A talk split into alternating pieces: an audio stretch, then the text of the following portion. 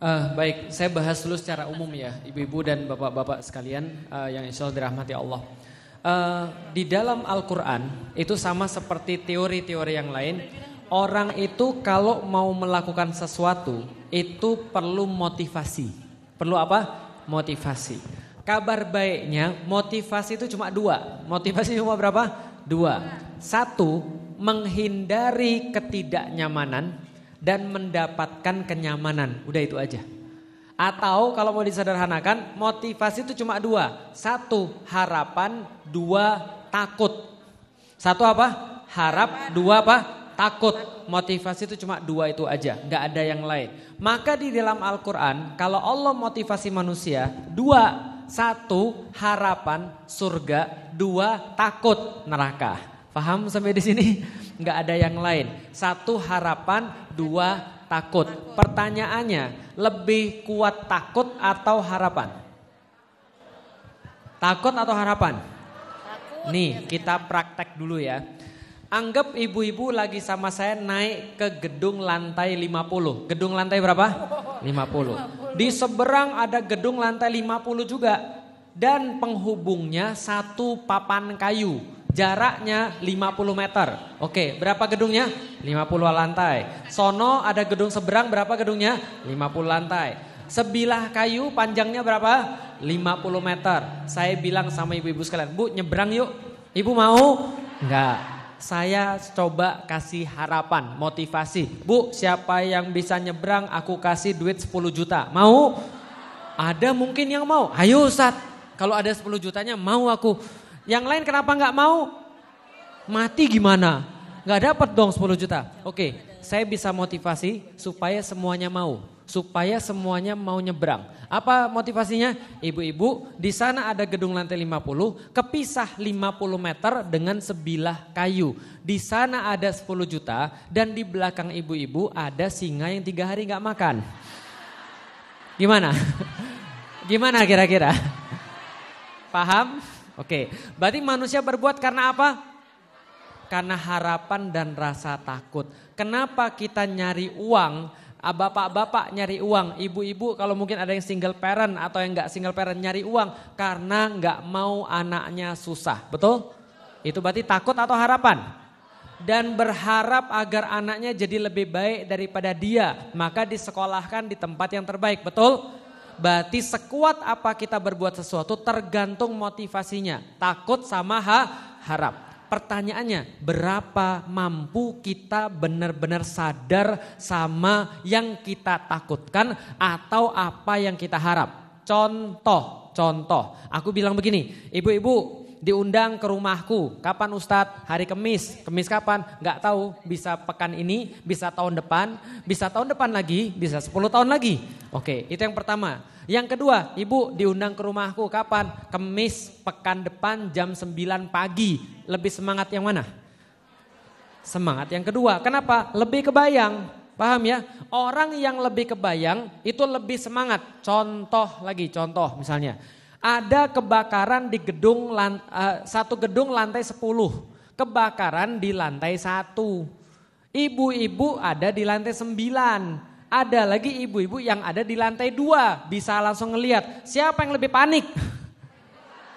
Paham kira-kira saya? Pertanyaan saya sederhana. Gimana orang bisa nganggap sholat itu penting kalau dia nggak dikasih tahu? Kalau sorry, kalau dia nggak sadar, kalau dia nggak sholat apa konsekuensinya? Dan kalau dia sholat, apa konsekuensinya? Paham sampai di sini? Oke, makanya ketika aku nulis buku tentang udah putusin aja supaya orang-orang nggak pacaran, aku ngasih tahu konsekuensinya. Contoh yang aku kasih tahu, aku bilang ini, yakin cewek-cewek mau pacaran? Siapa yang punya anak-anak pacaran? Ada, nanti kasih tahu sama dia ya. Uh, khususnya yang perempuan, khususnya yang perempuan. Aku mau nanya, biasa aku nanya begini sama perempuan-perempuan. Mau cowok yang soleh atau yang salah? Jawabannya, soleh. Mau cowok yang jahat atau yang baik? Mau cowok pinter baca Quran? Mau. Mau suami yang pinter nyari uang? Nah semuanya itu nggak akan bisa didapat lewat pacaran. Kenapa? Pacaran itu dia sudah bermaksiat sama Allah. Dia tahu ini nggak boleh, tapi dia maksiat. Apalagi kalau dia sudah nikah. Paham? Karena orang yang pinter bermaksiat sebelum nikah akan bermaksiat setelah nikah. Paham sampai di sini? Pertanyaan sederhana. Pacaran sama selingkuh bedanya apa? Beda apa? Pacaran sama selingkuh bedanya apa? Sama-sama pegang tangan orang yang bukan mahram. Ya kan ya? Sama-sama ngegombal sama yang belum akad, betul? Lah kalau orang pacaran sebelum dia nikah, kemungkinan dia akan bisa selingkuh setelah dia nikah. Karena prosesnya sama. Paham sampai di sini? Karena cowoknya sudah latihan. Nah kalau orang sudah baca kayak gitu, dengar kayak gitu, kira-kira pacaran mikir nggak? Mikir, ini bukan cowok yang baik. Gitu maksudnya. Saya nggak pacaran, kenapa? Karena saya takut sama Allah. Pun ketika saya nikah, saya nggak pernah nabuk istri saya. Karena saya takut sama Allah, bukan saya nggak bisa. Paham ya? Saya saya nggak pernah bohong sama istri saya, bukan karena saya kan bukan karena saya nggak bisa. Istri saya tuh polos banget, mudah banget dibohongin. gitu kan ya. Cuman saya nggak melakukan karena Allah, bukan karena saya atau bukan karena dia. Paham sampai di sini? Oke, balik lagi ke masalah sholat. Berarti sholat itu akan dilakukan orang kalau dia tahu konsekuensinya apa. Contoh, kalau pas masih kecil kita bisa ngomong begini. Aku selalu bilang sama anak-anakku, ada perkara-perkara yang aku buat yang bisa buat aku marah instan di keluarga. Apa? Satu, kalau anakku ribut di depan uh, kalau anakku ribut di meja makan, aku bilang langsung marah. Kenapa bisa langsung marah? Aku bilang gini, kalian kalau nggak bisa menghargai makanan, gimana kalau kalian gimana kalian bisa menghargai nikmat-nikmat Allah yang lain? Padahal makan tuh nikmat Allah yang paling mudah dirasakan. Paham ya? Makanya di dalam Al-Quran tuh uh, dalam surat Quraisy alladzi at'amahum min ju'i wa amanahum min khauf. Kalau kata Allah, kalau kalian buta terhadap seluruh nikmat Allah, ada dua nikmat yang harusnya kalian masih bisa untuk rasakan. Langsung makan dan aman. Paham ya? Anakku kalau makan di depan meja makan, aku bisa langsung marah. Kalau mereka lagi ribut di, di meja makan, aku bisa langsung marah. Itu udah kebiasaan dari zaman dulu. Bapakku pun begitu walaupun dia bukan muslim. Kita orang Chinese di depan meja makan harus menghargai makanan. Apalagi aku udah tahu di dalam Islam makanan itu adalah tanda kesyukuran pada Allah. Aku langsung marah. Yang kedua, kalau sana kemudian kalau kita lihat anak-anak lagi misalnya contoh lagi melakukan sesuatu, lalu misalnya contoh mereka lagi azan, lalu kemudian mereka tahu dan mereka bisa pergi ke masjid atau mereka lalai dalam sholat. Aku cuma bilang begini, e, nak, D atau uh, J, Ko dan segala macam, aku langsung bilang gini, bagi Abi di dunia ini banyak yang penting. Tapi kalau seandainya besok Abi sudah nggak ada, ada dua hal yang kalian harus ingat. Satu Quran, dua sholat. Kalau Quran dan sholat sudah kalian tinggalin, maka hidup kalian gak ada gunanya lagi. Dan untuk apa Abi ngasih makan kalian? Dua minimal, Quran, sholat. Bisa dipahami Bapak Ibu sekalian. Aku ngasih tau kayak gitu, memang gak bisa menjamin kalau mereka udah gede, tapi ini masih kecil. Quran, sholat. Kenapa? Besok kalau Abi sudah di dalam tanah, Abi, uh, aku bilang sama dia, maka duitmu gak nyampe ke Abi. Maka mobil mewahmu Abi gak lihat. Rumahmu Abi nggak tinggal di situ. Tapi sholatmu, Quranmu itu nyampe ke Abi dan Umi. Maka Quran dan sholat. Masih kecil masih bisa diomongin gitu. Tambah gede lagi, tambah gede lagi, tambah gede lagi. Nah itu agak semakin susah. Makanya di situlah letak kita punya seni. Kadang-kadang contoh ya, tadi ada yang sudah menikah, ada yang belum menikah. Kalau yang masih belum menikah, coba uh, coba untuk ambil waktu ngobrol dari hati ke hati ibu kepada anak laki-lakinya, kalau seorang perempuan anak uh, sorry uh, bapaknya ke anak perempuannya ngobrol dari hati ke hati. Jangan langsung diajak ngobrol. Nak, duduk di depan. Itaqullaha haqqa tuqatih. Wala tamutun. Jangan gitu.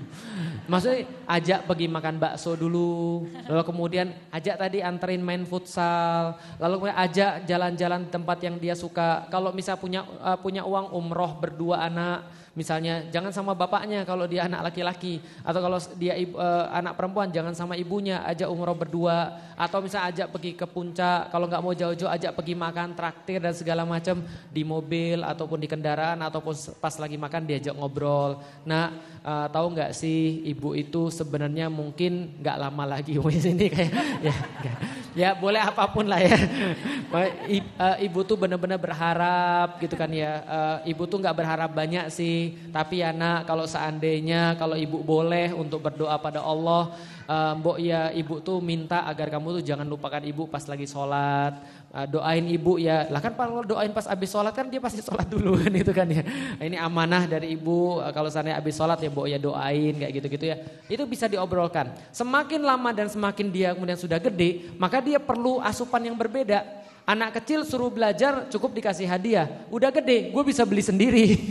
gitu kan ya. Nah, maka obrolnya kayak tadi, saya sibuk, saya kemudian uh, saya stres, saya depresi. Ibu tahu nggak sih IT itu kayak apa zaman sekarang? Social uh, software engineer itu adalah pekerjaan yang paling susah loh bu, kayak gini-gini. Udah habis-habis waktunya. Terus kita tanya aja sama sama dia. Makanya kan uh, dalam salah satu kajian yang paling penting itu adalah apa yang benar-benar kita takuti dalam keluar dalam hidup kita. Itu yang paling harus kita pahami. Apa yang paling penting dalam hidup kita? Maka tanya, nanti kan kamu juga punya anak. Nanti kan kamu kan sekarang kamu juga punya istri. Pertanyaan sederhana. Stres sama pekerjaan, stres sama istri, lebih parah mana?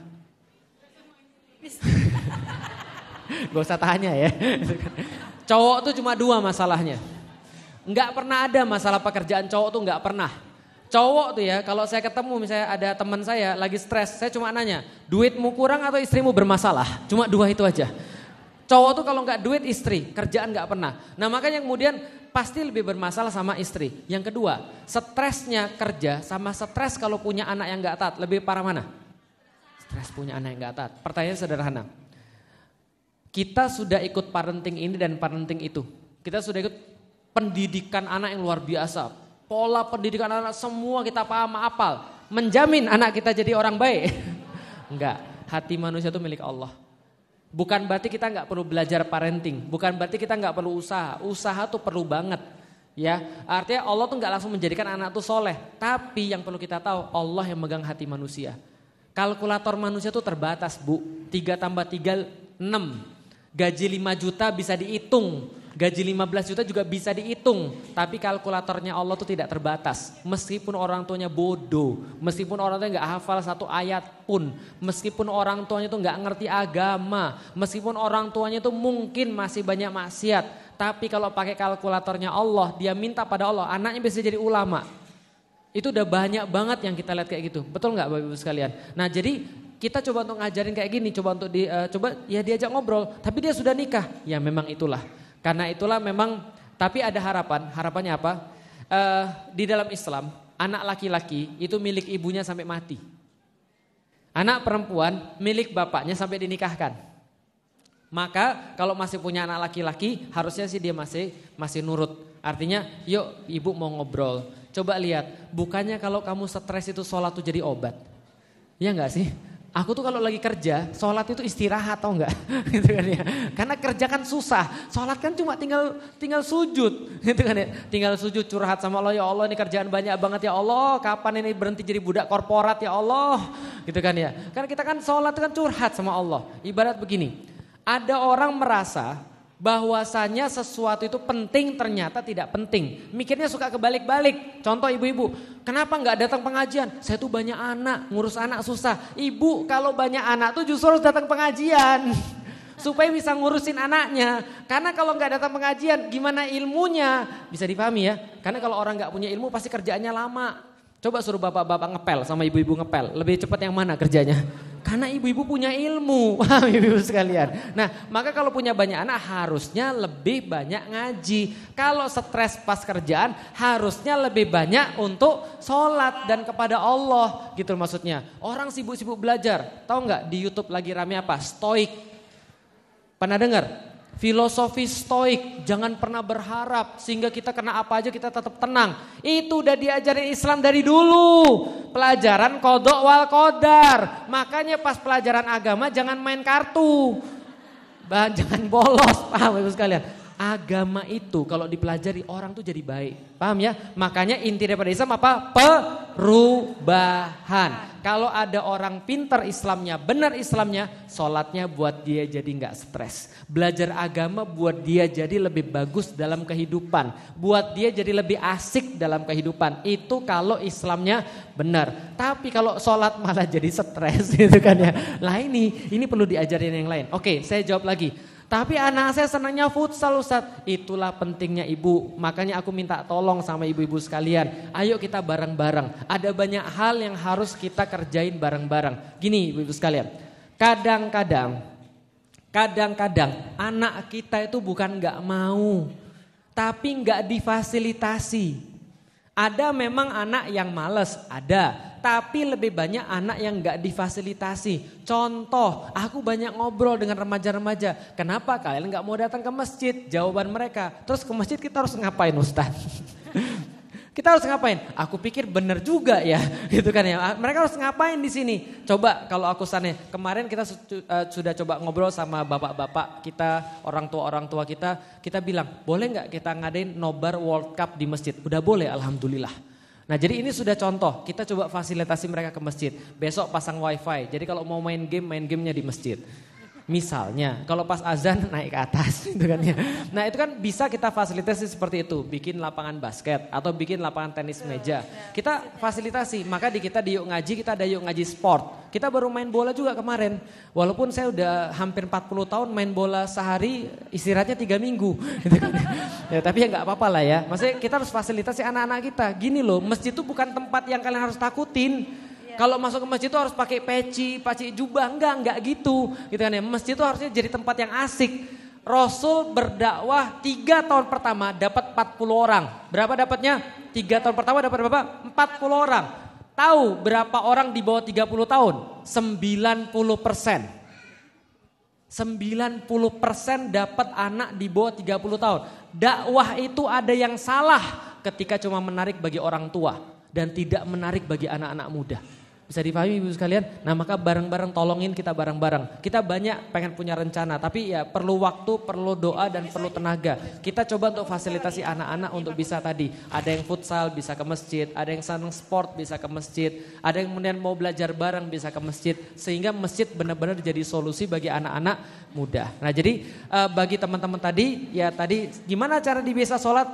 Kalau ada formula yang kita omongkan langsung buat dia bisa sholat, kalau ada formula yang bisa kita omongkan langsung dia mau sholat, maka bapak saya sudah masuk Islam.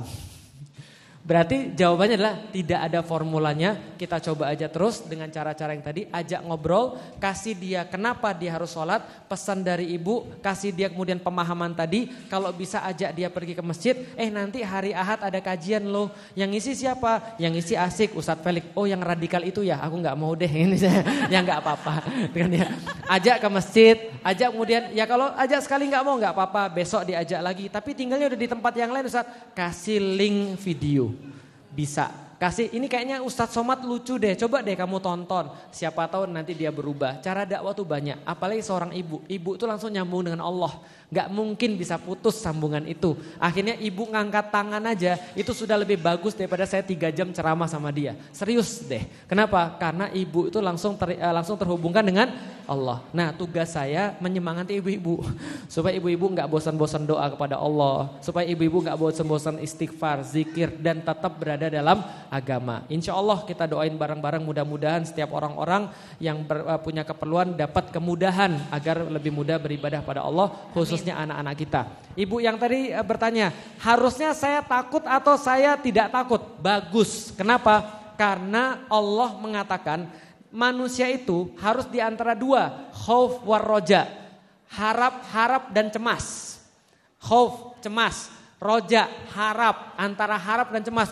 Ah gimana ya kalau nanti dia tidak bisa untuk beribadah lagi. Ah tapi aku percaya deh sama dia dan pada Allah. Ah tapi gimana ya? Ah, itu senantiasa harus. Makanya jangankan ibu yang sekarang didik anak-anaknya. Seorang nabi aja, Nabi Yakub meninggal. Apa pertanyaannya pada anak-anaknya? Mata buduna mimba'di. Setelah aku mati kalian nyembah siapa ya? Jangan-jangan kalian nyembah patung lagi. Jangan-jangan kalian nyembah berhala lagi. Jangan-jangan bukan Allah. Itu nabi. Ngasih nasihat pada anak-anaknya nabi. Ada di antara mereka juga nabi. Yusuf. Tapi dia tetap khawatir. Jadi jangan berhenti khawatir pada anak-anak kita. Kekhawatiran kita itu yang jadi doa kepada Allah. Tapi jangan hanya khawatir, percaya juga pada mereka buat segala sesuatu yang kita bisa agar mereka tetap dalam jalan Allah. Oh kamu main futsal ya? Itu kayaknya juga ada tuh YN Sport. Mereka juga lagi olahraga. Kita olahraga rutin juga setiap pekan. Ada sekarang membernya 96 orang. Kalau main bola bareng-bareng 96 kan itu kan ya.